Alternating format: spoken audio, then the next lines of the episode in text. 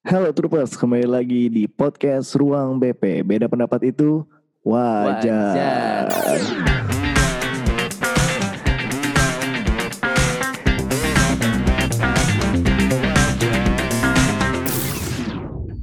Oke, kembali lagi bersama gua CT. Gua Kevin. Kita balik lagi Vin di Ruang BP setelah Yoi. lumayan berapa minggu kita nggak update. Heeh. Eh, berhubung kita masih banyak permasalahan nih di seputaran Hmm. pendidikan, di seputaran sekolah khususnya, dan gua masih ternyata gue masih sebagai seorang guru sampai saat ini, dan masih menemukan banyak sekali hal-hal yang bisa dibahas dan bisa diangkat. Nah sebelumnya gue mau ingetin sih buat temen-temen ya eh, yang para troopers nih yang lagi dengar kan kita selama apa masih pandemi dalam situasi pandemi dan ternyata kasusnya meningkat tajam gitu kan. Hmm. Ya Iya. mengingatnya walaupun PSBB udah sedikit dilonggarkan, Iya tapi tetap jaga jarak, pakai masker. Cuci tangan. cuci tangan, jaga kebersihan. Gue sih berharap ya ketika semuanya udah, gue nggak tahu sih bisa back to normal atau enggak. Eh, pasti akan ada sesuatu yang baru. Tapi menurut gue harusnya dengan situasi kayak gini manusianya saling menghargai. Betul. Jangan semakin barbar. Benar, benar.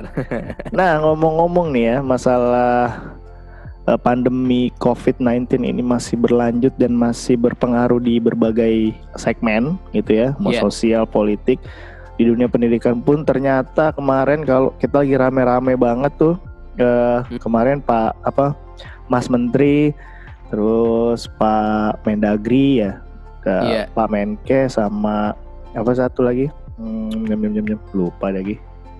Pokoknya ada empat kan ya?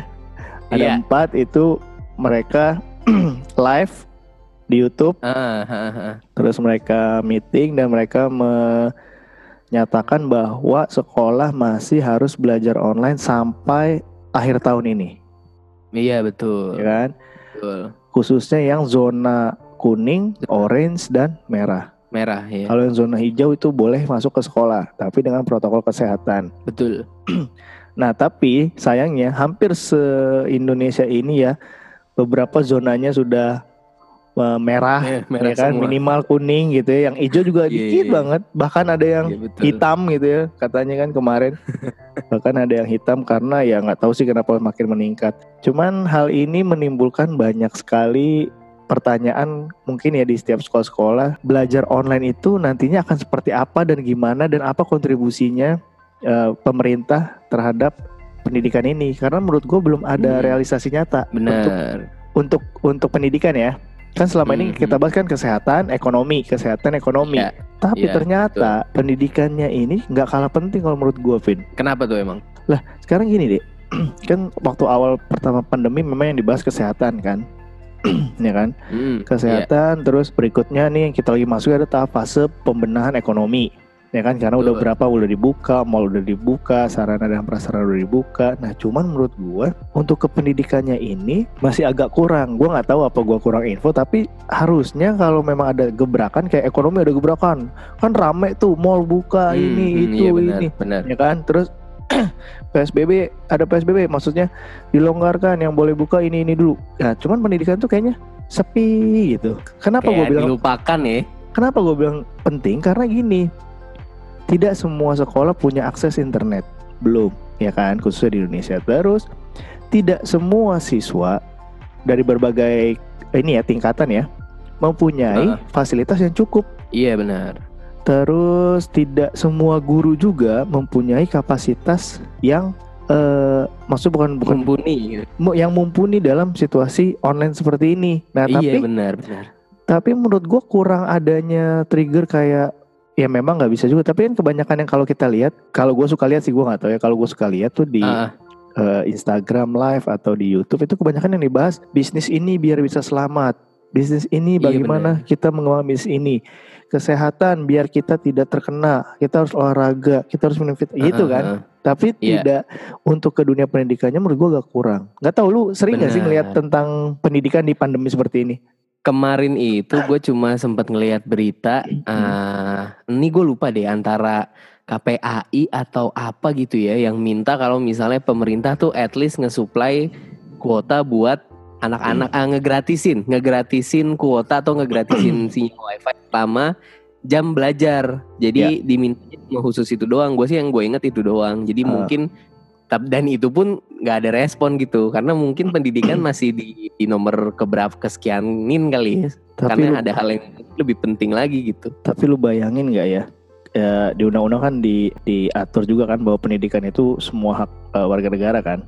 Benar. Lu bayangin nggak kalau satu generasi ini di saat pandemi ini kurang pendidikannya kurang memadai. Lu bayangin. Berarti kalau di kalau- kalau di- ya? Iya, kalau di total sampai enam bulan lagi ke depan ya, akhir Desember berarti Iya. kurang lebih hampir satu tahun loh menjalani Iya pendidikan yang menurut gua ya tidak semaksimal di sekolah gitu kan? Benar. Ya benar dong, tidak benar. semaksimal di sekolah, waktunya juga tidak maksimal, pengajarannya juga tidak maksimal, metodenya juga tidak maksimal, penerimaan ke si murid juga tidak maksimal, guru juga mengajarkan murid gua kurang tidak maksimal gitu. Lu Iya bayangin sih. dari semua tingkatan loh ini sampai ke SMA, even sampai ke kam ke kuliah. Iya benar. Tapi kalau kuliah menurut gue masih agak mendingnya gini. Kuliah itu kan ada batasnya tujuh tahun gitu kan. Iya iya iya iya. At least mereka kalau pandemi ini ber selesai gitu ya mereka bisa mau cuti dulu atau apa bisa gitu. Tapi kalau yang SD, Iya iya. SMP, SMA, nah itu gimana kan susah.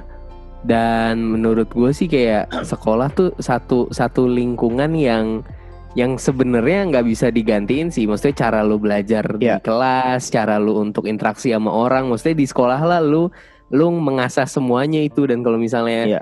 Kalau misalnya dihilangkan gitu atau mungkin dikurangi eh, kemampuan buat lu interaksi atau justru lu belajar banyak hal. Jadi jadi banyak ilmu yang hilang gitu kalau cuma belajarnya dari online kalau menurut gue. Iya dan semua orang terbatas juga untuk online, nggak semua kan. Iya benar benar. Itu Terus gimana gimana lu yang yang di apa terbatas mungkin ekonominya untuk punya at least punya mungkin nggak punya HP atau ju- justru nggak punya laptop untuk untuk belajar atau mungkin dia punya HP nggak nggak bisa beli kuota maksudnya iya. masih ba- banyak pertimbangannya gitu akan Lu lihat nggak berita di Instagram yang bapak-bapak videoin anaknya pakai HP yang biasa anaknya lagi nari atau lagi apa gitu. Jadi Heeh. handphonenya tuh ada di Instagram ada beritanya se- seorang bapak itu dia ngerekam video anaknya tapi pakai handphonenya tuh handphone yang eh, jadul banget. Jadi cuman punya ada video pakai mungkin masih megapikselnya masih kecil banget gitu. Dia handphone bener-bener Iya, iya. kecil gitu. Ada nah lu bayangin kalau kondisi lagi kayak gini semua tadi yang lu bilang apa berita KPAI setidak- setidaknya pemerintah itu memberikan kuota ya tapi kalau orang yang nggak punya handphone nah iya itu mas- makanya masih kayak- banyak loh sekolah-sekolah yang ibarat katanya ya siswanya itu ya masih masih memang ekonominya kurang masih kan. Karena kan beberapa Iya, SD benar. negeri S, apa SMP negeri kan SMA negeri juga gratis gitu kan. Ya, ibarat kata Benar. dibandingkan mereka untuk beli kuota atau atau handphone ya mendingan mereka untuk eh, kebutuhan sehari-hari. Kan ada yang mikir kayak iya gitu. benar benar dan nggak nggak semua orang mau, mau muda ataupun tua ya nggak semua orang yang yang ngerti teknologi nggak sih kayak maksudnya gue ngelihat beberapa kali kayak orang tuh masih belum ngeh zoom tuh gimana gimana cara buat ngeset meetingnya gimana cara Betul. lu buat masuk akhirnya itu pun jadi kendala gitu untuk mungkin murid yang yang belum ngerti atau mungkin justru gurunya yang belum ngerti gitu Iya. even menurut gue nggak usah ke aplikasi ya menurut gue Hmm. video call aja juga belum tentu orang ya yang belum yang belum pernah coba belum juga langsung bisa ngeh video call antar Iya. WA misalnya gitu. iya benar benar Gitu. Nah dan tidak ada menurut gue tidak ada satu metode atau sistem yang diluncurkan gitu yang di apa ya iya benar yang diberikan patennya ini begini nih gitu caranya Iya maksud memang sih kompleks banget ya. Kalau Iya. kita bicara ini kom, apa kompleks banget tuh kalau kayak ekonomi ya udah tinggal jualan, tinggal pada buka lagi toko-toko Hmm. ya kan. kalau misalnya kita bahas kesehatan ya udah tinggal kalian beli vitamin, olahraga, eh, cuci tangan, jaga kesehatan, so- apa physical distancing dan lain-lain. Nah, kalau Iya, pendidikan ini kan masuk ranahnya sosial juga, hidup masyarakatnya juga ya kan Hmm. Jadi lebih mencakupnya mungkin lebih bervariatif gitu menurut gue. Karena kalau jualan ekonomi ya lu mau pengusaha bisnis ya lu tinggal open lagi aja kantor lu. Kalau lu pedagang Iya, benar. tinggal aja lu buka lagi di pasar. Kan kayak gitu. Hmm. Nah, kalau pendidikan mungkin agak ribetnya kayak gitu. Nah, menurut lu kira-kira apa yang kita apa yang bisa diterapin ya dalam situasi kayak gini? Gue baru Karena- mau, mau nanya, Oh, lu mau nanya? Baru mau nanya hal yang sama. Soalnya menurut gua gua se- selaku guru kayaknya gua ada rasa untuk kepedulian karena gue juga ngobrol-ngobrol sama temen-temen yang guru juga. Ada guru SD, guru SMP, guru SMA, mereka juga masih sebenarnya masih bingung juga. Ah, gitu, masih bingung menghadapi ya khususnya kalau jika ada siswa yang keterbatasan gitu dalam hal teknologi atau keterbatasan dalam hal ekonomi atau mungkin si gurunya sendiri. Lu kira-kira Kalau ada nggak di pikiran lu kira oh nih harusnya bagusnya kayak gini nih atau eh, mending kayak gini nih dengan Gua- situasi gua yang sih ini ya? sempet sempet kepikiran untuk mungkin sekolah dijadiin shift-shiftan. Hmm. entah mungkin 10 orang gitu. Atau kalau misalnya emang itu sulit gitu misalnya emang sekolahnya entah kalau misalnya shift-shiftan tuh jadi setengah hari gitu. Misalnya lu dari pagi sampai siang di kelas lu yang cuma setengahnya masuk sisanya setengahnya lagi dari siang sampai sore gitu. Misalnya kayak gitu. Ntar mungkin seminggu gantian tukeran biar biar yang satu bisa ngerasain pulang siang biar yang satu bisa ngerasain pulang sore gitu. Nah, atau mungkin cara lainnya adalah dari sekolahnya eh, mungkin maksimalin labcom kah? Atau mungkin ntar kalau misalnya di jadi tiap jadi tiap tiap hari itu nggak semua nggak semua kelas nggak semua kelas masuk gitu. Jadi misalnya satu hari oke kelas 10 10 apa nih? 10 ini atau mungkin kelas 10 doang. Oke lu lu lu sekolah lah di di labcom gitu. Labcomnya Oh. ini eh, meetingnya untuk di sini gitu. Nah mungkin itu kan bisa dimanfaatin dimanfaatin entah cuma dua jam belajar setelah itu kelas 10 yang lain gitu. Jadi Iya. maksud gua eh sekolahnya yang menggunakan fasilitas gitu. Jangan muridnya yang diminta untuk lu harus punya ini harus punya ini untuk ngelakuin ini gitu kalau Ah. menurut gua Jadi sekolahnya harus eh, berpikir gimana caranya biar merang muridnya nggak disusahkan gitu satu di- itu nggak dan merangkul iya. merangkul ke semua murid gitu ya. iya bener Nanti kalau mungkin ada kendala di operasional, operasional akan lebih akan lebih banyak. Terus kita aja isu isu-isu guru eh, berpendapatan eh, kurang gitu ya, berpendapatan kecil kan juga Ah, masih ah. masih menjadi isu pendidikan yang cukup lumayan kan zaman sekarang ini kan. Iya sih, tapi kan? di sisi di sisi lain pun lagi lagi begini kan bayaran tetap jalan gitu. Bahkan banyak yang yang orang tua tuh ngeluh kayak ini kok kok gue tetap bayar ya padahal anak gue sekolahnya di rumah, makanya internet-internet gue terus juga yang yang ngajarin ujung-ujungnya orang tuanya. Kenapa kita masih harus bayar sekolah gitu? Oh, ya Eh, kalau yang oke, iya bener juga sih. Tapi kalau yang negeri kan gratis, Iya, iya juga ya. ya kan? Jadi Berarti kalau yang negeri kita berasumsi kalau guru berarti guru akan kerja tiga kali, tiga kali lebih dong. Yang seharusnya Iya, misalnya ya tiga kali lebih atau atau lebih banyak lah.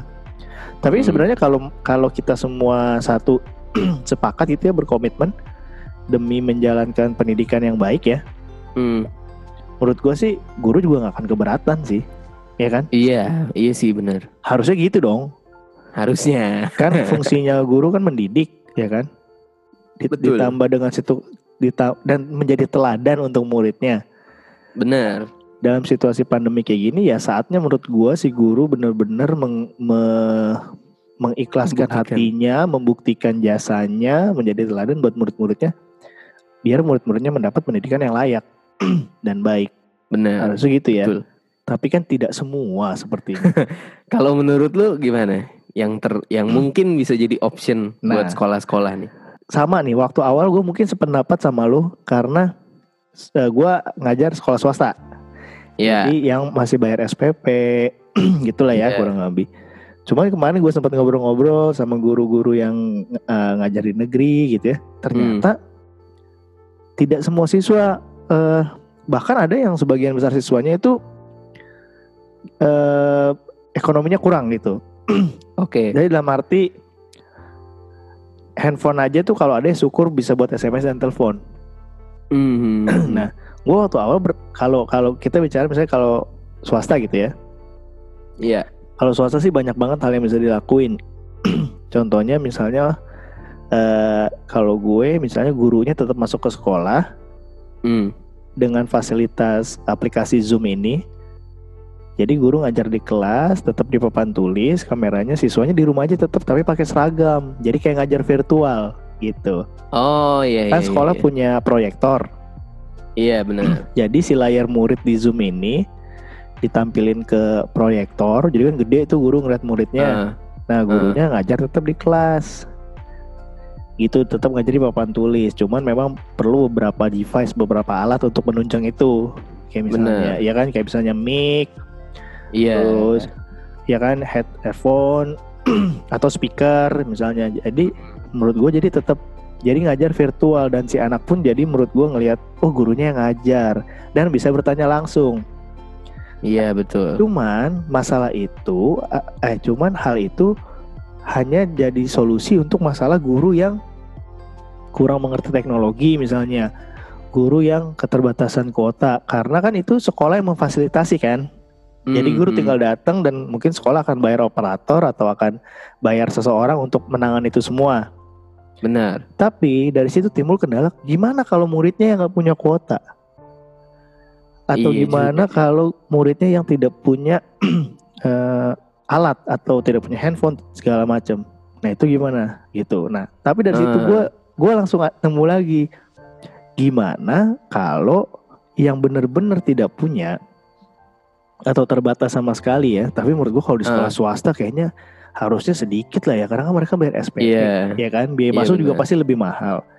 Tapi ya, kalau memang itu terjadi nih nyatanya yang benar-benar nggak bisa masuk ke sekolah. Oh iya. Jadi iya, kan di iya, dalam iya. sekolah itu akan lebih dikit dong. Iya benar. Karena menurut gue gini, dalam situasi kayak gini, orang gue tahu siswa pasti maunya sekolah karena udah bosen banget. Aha. Tapi orang tua itu akan melarang pasti. Kalau Iya. bisa di rumah online, lu ada fasilitas, kenapa nggak di rumah aja, gitu kan? Aha. Jadi menurut gue yang yang benar-benar nggak bisa datang ke sekolah, duduk di depan gurunya, misalnya ada empat orang, lima orang, tetap physical distancing. Mhm, Iya benar benar benar. Cuman timbul lagi masalah nanti akan ada kecemburuan sosial. Wah enak banget tau gitu gue nggak punya alat aja orang bisa masuk sekolah segala macam kayak gitu loh. Iya sih. Iya Ya kan? iya iya. Jadi kan intinya sebenarnya semua semuanya entah siswa, entah guru, entah sekolah semuanya harus saling mengerti dan mengencourage satu sama lain gitu kan. Alangkah indahnya kalau alangkah indahnya kalau oh ya udah mereka nggak apa-apa ke sekolah kita di rumah aja. Kalau kita makin ke sekolah nanti malah makin apa eh, makin menyebarkan atau misalnya makin susah pencegahannya gitu kan. Kalau Hmm, misalnya iya iya. punya pikiran kayak gitu murid kan enak berarti dia menghargai temennya yang kurang jangan oh enak banget sekolah gua enggak gini-gini gitu kan jadi Iya. jadi situasinya ego sendiri bukan masalah eh, pandemi ini Hmm betul. nah guru juga kalau eh sekolah juga kalau memaksakan seluruh siswanya harus ada ya juga menurut gua agak nggak fair ya karena kan Hmm. kecuali ya ada kebijakan-kebijakan lain gitu nah guru juga menurut gue harus mau belajar Benar, betul, betul, Wah. betul. sekarang ini butuh teknologi. Oke deh, gue mau belajar biar semuanya aman, semuanya nyaman, Iya. gitu kan? Iya itu Atau yang penting. ya kan? Dan kalau menurut mi- misalnya si guru juga harus, wah nih berarti gue harus kerja dua kali lebih ekstra daripada gue ngajar di kelas. Iya. Bukan malah, aduh harus ngapain ya? Bingung malah cari bingung malah cari gampang ya, bener gak? Iya benar, benar. Ya kan? Justru harus dua kali kerja lebih ekstra biar karena situasinya kan sulit susah gitu. Iya. gitu. Kalau kata gue sih kalau semuanya bisa saling encourage satu sama lain sih akan bisa tuh tercipta. Cuman yang kemarin gue ngobrol sama guru eh, negeri ada salah satu sekolah negeri hampir seluruh siswanya tuh susah banget mengakses internet di lingkungannya. Oh, terus gue tanya terus gimana tahun pelajaran baru yang harus Ah. online? Nggak tahu juga gue katanya gitu. Jadi jadi eh, dan baru tahun ini mau baru mau dipasang internet di sekolahnya. Oke. Itu baru pasang Ternyata internet iya berarti berarti emang emang ada yang justru sekolahnya yang belum belum mampu untuk peronlinean ini ya sebenarnya. menurut Tapi ya bisa bisa bisa jadi setelah inilah akan akan ada mungkin pe- pembaharuan di pendidikan gitu bahwa akan ada saat di mana eh, suatu kejadian di, di dunia nih yang memaksa akhirnya sekolah dijadikan online gitu. Mungkin setelah ini ya, Iya. walaupun nggak tahu kapan gitu. Udah gitu ya. Apa masalahnya lagi menurut gua ya di dunia pendidikan sekarang Heeh. mungkin juga lu sering perhatiin udah dia nggak sekolah ya kan ibarat kata nih ya nggak sekolah nggak ada ilmu dari gurunya tidak ada nasihat dari gurunya Hmm. di rumah sama orang tua mungkin berantem aja misalnya karena anaknya males-malesan dan Hmm. tahu nggak satu lagi main game bisa jadi berlebihan satu Betul. kedua adalah tontonan-tontonan atau sosial media yang sekarang sudah tidak bisa dibendung lagi Benar. Jadi mereka akan berkutat di situ aja. Pasti larinya ke mana? Lu juga kalau WFH pasti kita larinya ke mana sih? Nonton YouTube, Iya. sosial Nonton media, Film. Instagram. Iya benar. Udah gitu lu lihat sendiri sekarang. Apakah semakin baik? Enggak kan? Iya iya iya. Enggak kas kasarnya kalau di, untuk di bawah umur kan sekarang tidak semakin baik. Iya benar. Kata-katanya udah kayak kata-kata kasar tuh udah kayak biasa aja. Mhm. Mau bahasa Inggris, mau bahasa Indonesia ya. Mhm. udah jadi hal yang biasa, tabiat yang biasa. Belum lagi updatean-updatean yang menurut gua eh, semakin ke sini eh, makin susah gitu membentuk eh, moral gitu, kasarnya kayak gitu. Hmm. Untuk ini kita bicara untuk karena kan anak-anak segitu kan anak-anak remaja kan masih pada labil-labil, ikut sana ikut sini ya kan. Betul. Bayangin tuh kalau ini udah libur panjang terus nggak sekolah, terus dengan habitat yang selama enam bulan ini ya sosial media, sosial media, sosial media, games, games, nonton, Ah. nonton, gimana coba? Ketika ketika kembali lagi ke sekolah. Nggak, at least The- iya yang gue bilang tadi satu generasi pendidikan ini nih ya, satu generasi pendidikan ya, Iya, semua iya, iya, tingkatan benar, itu benar, sekarang kayak gini akan jadi gimana gitu?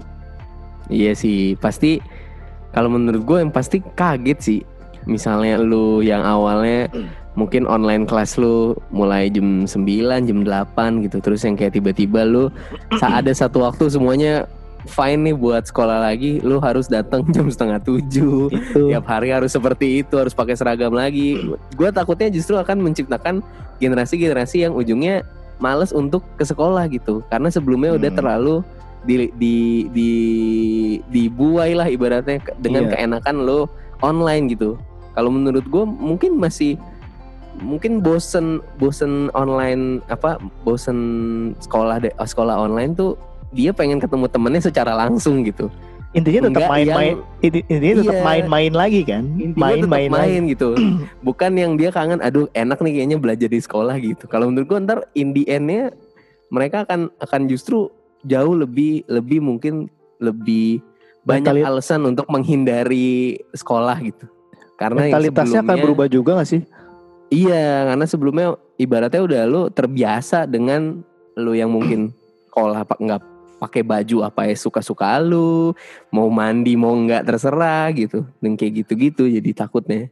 Ya, nah ini justru, nah kalau di sekolah gue, dia nanti ini tahun ajaran baru menerapkan walaupun sekolahnya online harus pakai seragam Oh, iya iya iya iya. dan bangun Itu pagi itu better dan, iya. uh, dan diawasi orang tua untuk absensinya, gitu. Nah, Gue ada pertanyaan dah kalau misalnya yang Ya. eh, sekolah mengharuskan orang tua untuk mengawasi muridnya. Kalau misalnya dua-duanya bekerja gimana?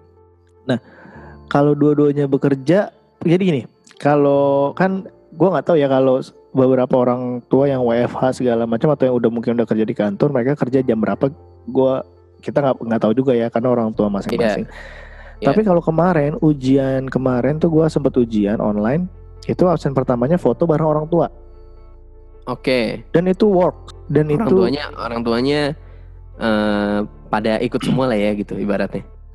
worksnya satu satu itu kedua anak-anaknya nggak ada yang absen ngerti nggak Oke, oke. selain karena ini ujian gitu ya tapi itu Ah, works jadi at least berarti oh, oh, ternyata orang tua bisa diajak kerja sama nih tinggal hubungannya aja Eh, kalau tadi situasinya yang seperti itu eh, apa ini anak Eh. eh ini orang apa namanya orang tuanya kerja gimana gitu kan hmm, menurut gua hmm. selama orang tuanya masih bisa berkoordinasi dengan baik dia akan mengingatkan eh, anaknya Oke, dia akan mencoba mentelepon dia akan coba eh, segala macam misalnya kalau kerjanya lebih pagi ya ah, ah. daripada anaknya sekolah. Menurut gua orang tua yang memang peduli dia akan Ah, melakukan cara apa pun biar anaknya tetap terlibat dalam hmm, kegiatan belajar mengajar.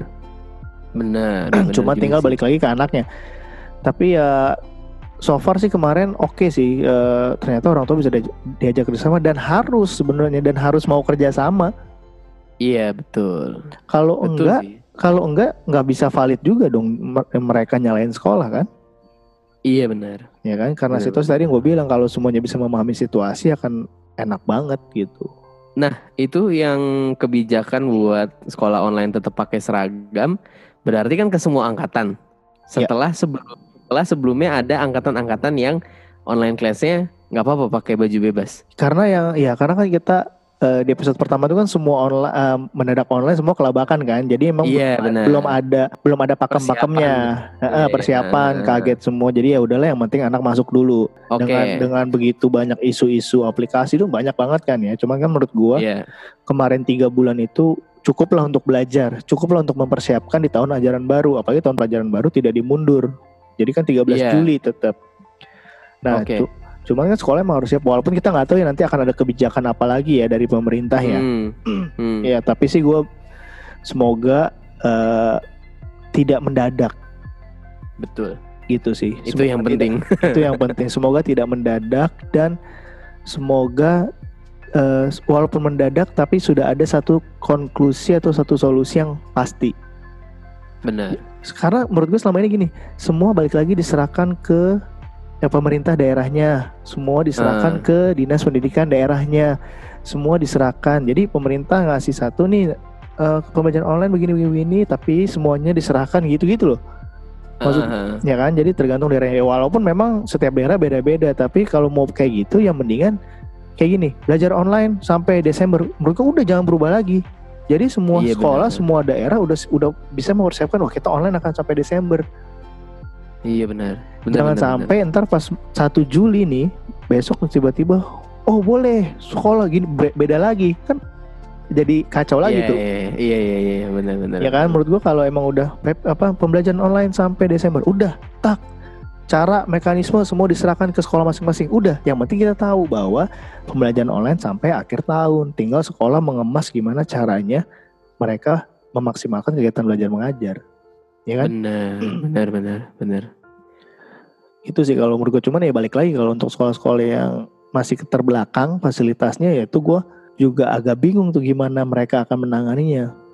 Ya intinya sebenarnya eh, harusnya sih ya selama tiga bulan kemarin tiba-tiba harus online class harusnya pemerintah udah menyiapkan sesuatu lah untuk ajaran tahun ajaran baru nih. Tapi ya Benar-benar kayak kata lu tadi udah belajar tiga bulan harusnya harusnya ada lah yang yang satu disiapkan pemerintah nih supaya semua seragam. Ya, tapi kalau dari situasi pandemi COVID ini juga banyak sih kabar positifnya ya. Jadi kayak eh, misalnya kemarin gue baru lihat di Instagram juga ada di CNN atau apa. Ternyata virus COVID sudah melu- udah sudah melemah gitu, sudah tidak terlalu membahayakan. Terus, Oh iya. ya terus udah mulai ditemukan obat-obat pencegahan Iya, iya, iya. dan orang-orang juga sekarang sudah mulai belajar sehat gitu kan. Hmm, betul. Walaupun intensitas naiknya lumayan sekali hari per hari dan kita nomor satu sekarang di ASEAN, ya kan? Nah itu juga ya udah kita serahin aja dah, udah udah bukan kuasa kita lagi itu mah, betul. udah tinggal betul. ngikutin enak. Cuman yang jadi kemarin juga gue beberapa lihat ada yang ngambil raportnya drive thru, Iya, iya benar. ada yang udah wisuda, anak-anak kecil wisuda pakai face shield, pakai masker, wisuda Iya, pakai toga. ada yang iya. ngambil raportnya eh 10 orang 10 orang terus mereka Ah, pakai ah, ah. cuci tangan dulu terus kan sekarang cuci tangan udah pakai pedal gas semua touchless Iya iya iya iya iya. ngambil ngambil tiket ke mall aja udah udah touchless sekarang. Heeh. cuman ya betul betul betul Ba- betul Iya. udah udah tasnya tinggal disensor doang terus dia keluar Iya, kayak gini keluar tiket. cuman yang gua khawatir kalau misalnya semua sudah menjalankan protokol kesehatan apalagi kayaknya kemarin banyakan sekarang orang yang eh, kena covid ini tanpa gejala apalagi di usia-usia muda jadi Iya betul. orang tanpa gejala itu kan juga ngeri kan Heeh.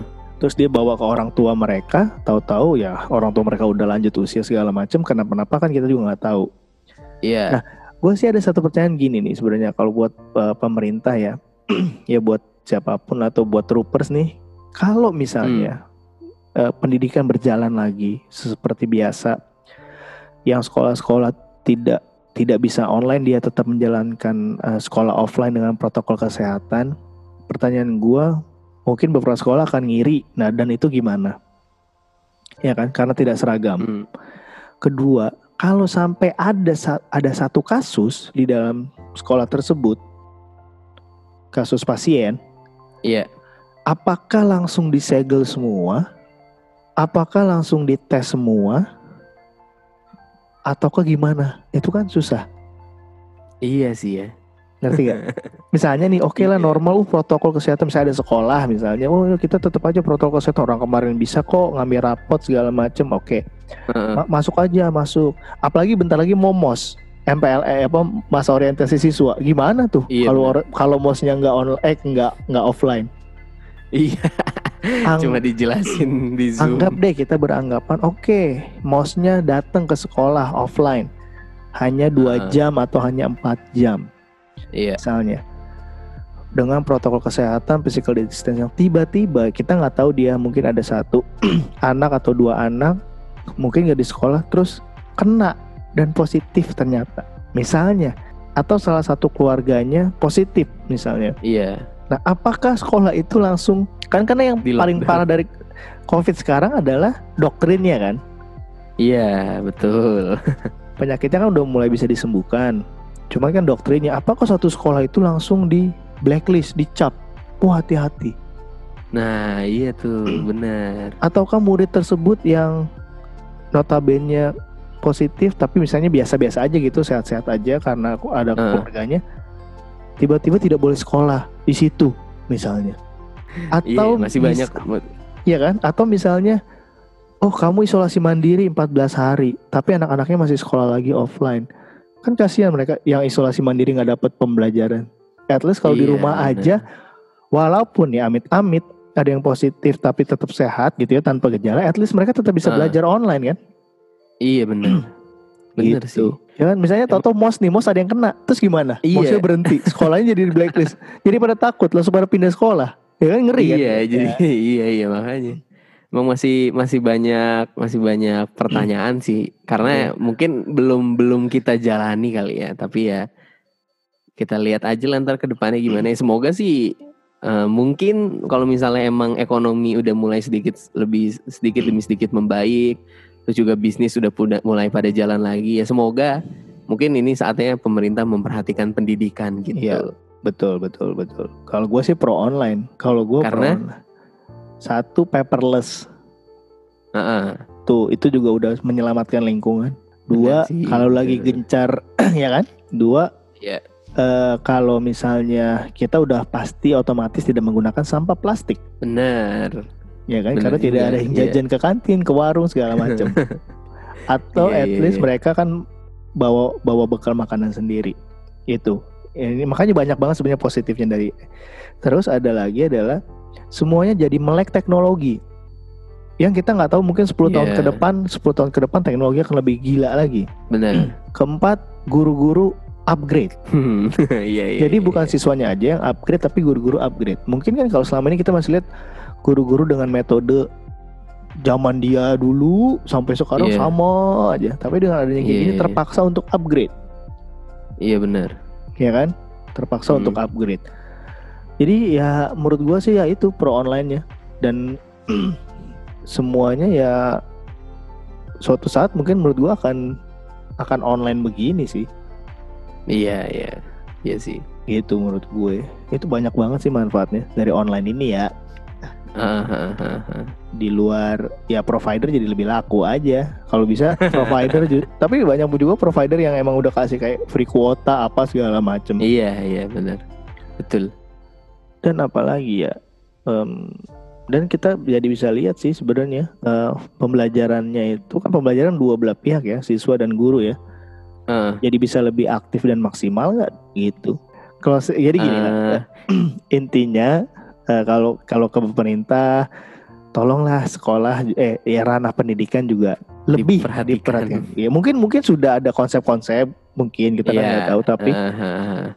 Hmm, betul. terus menurut gua garda terdepan memang para para dokter, para perawat gue setuju. Gue tidak menyangkal Iya. itu karena mereka berhadapan langsung. Tapi garda terdepan juga untuk bangsa ini itu guru-gurunya.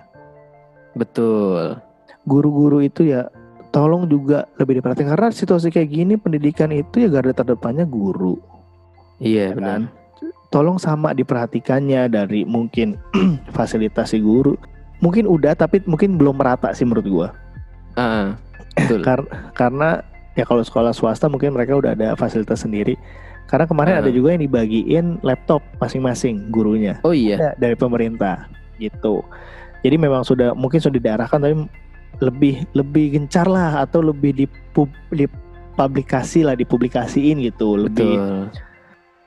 bukan hanya dilihat oh, guru gitu. Jadi siswa juga oh ternyata pemerintah peduli ya sama sekolah sama Iya, iya, guru-guru iya. kita. Oh, jadi sampai segini ya. Oh, jadi anak juga ngerti gitu kondisinya. Itu sih menurut gua. Benar.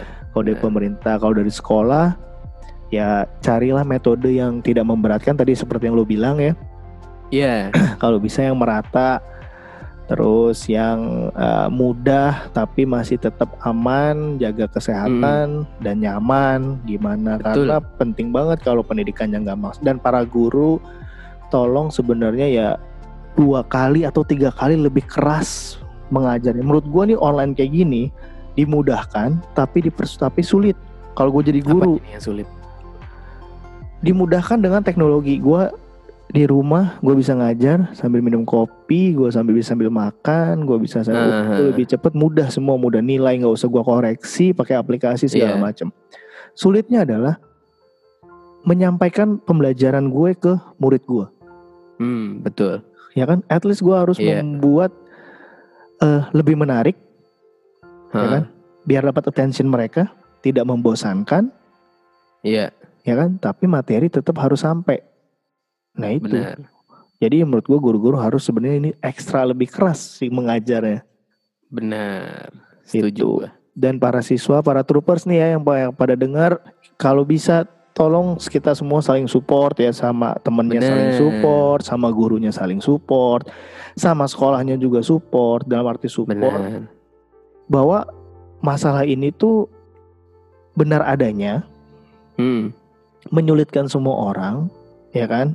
Hmm. membuat susah semua orang bet makanya dengan kalau kita saling menjatuhkan satu sama lain kan akan lebih parah ya kan Iya, jadi Mendingan ya saling duk- support aja. saling Iya, support benar. aja kalau yang bisa dilakukan siswa belajar dengan baik datang on time Iya. apa pun bentuknya apa pun kondisinya ya sudah jalankan itu aja Iya, tugas-tugas benar. sudah ya kan Dan kalau kalau menurut gue sih eh, ini tuh tetap namanya sekolah gitu walaupun online. Ini Iya. tetap buat pendidikan masa depan lo gitu. Jadi Iya. jangan jangan buat walaupun online lo jadi seenaknya gitu. Karena ini pun Iya. tetap untuk masa depan lo gitu. Jadi tetaplah berjuang gimana seberjuangnya orang yang sekolahnya offline seperti dulu gitu. Toh Betul. nanti kalau misalnya emang membaik pun lo akan sekolah offline dan akan sama aja sama yang lain gitu. iya benar dan ya itulah menjadi eh, nggak apa-apa untuk main game kalian kan waktu main game kalian mungkin jadi lebih banyak lebih santai di rumah Iya. Uh, Betul. nggak apa-apa tapi ya tetap kewajiban kalian karena menurut gua gini loh uh, troopers uh, pendidikan ini kalian mungkin sekarang kayak kesannya disiksa gitu kalau sekolah dulu kita ya Iya, maksudnya iya. kesannya kayak kita kalau sekolah tuh aduh tugas mulu apa kesannya wah susah ribet ribut segala Iya, macam iya. Tapi percayalah di depannya itu ini akan sangat bermanfaat makanya kenapa harus dijalankan dengan baik Betul. ya kan Iya. Dan jangan sampai juga nih para trooper sosial media sudah sangat tidak terbendung kalau ada informasi yang sekiranya belum valid atau Jangan langsung Informasi. percaya. jangan langsung percaya. Terus kalau bisa eh, kalau misalnya ada satu hal yang menurut kalian, waduh, ini kok nggak benar, tapi cobalah cari perspektif yang lain. Lihat Betul. sampai benar-benar eh, dapat titik terang atau cerah baru kalian bisa berkomentar kurang lebih kayak gitu. Betul, ya, betul. mungkin cukup dari kita di ruang BP Mm-mm. kali ini ya. Nih Iya. cukup serius juga karena bentar lagi tahun pelajaran Nah, buat kalian-kalian yang dari SD ke SMP, SMP ke SMA, SMA mau ke kuliah. Sebelumnya Ya. sel- selamat walaupun eh, situasi kayak gini, kalian memasuki jenjang berikutnya gitu ya. Betul. Jadi kita sama-sama bareng-bareng karena kalian ini adalah ujung tombak ujung tombak negeri ini, ya kan generasi generasi bangsa. penerus bangsa. Jadi eh, biar ke depannya khususnya Indonesia biar cepat pulih dan kalian juga menjadi generasi-generasi penerus bangsa yang berkompeten dan maksimal gitu. Betul. Oke, sampai ketemu lagi bersama gua CT Gue Kevin. di podcast Ruang BP berikutnya. Beda pendapat itu Wajar. wajar.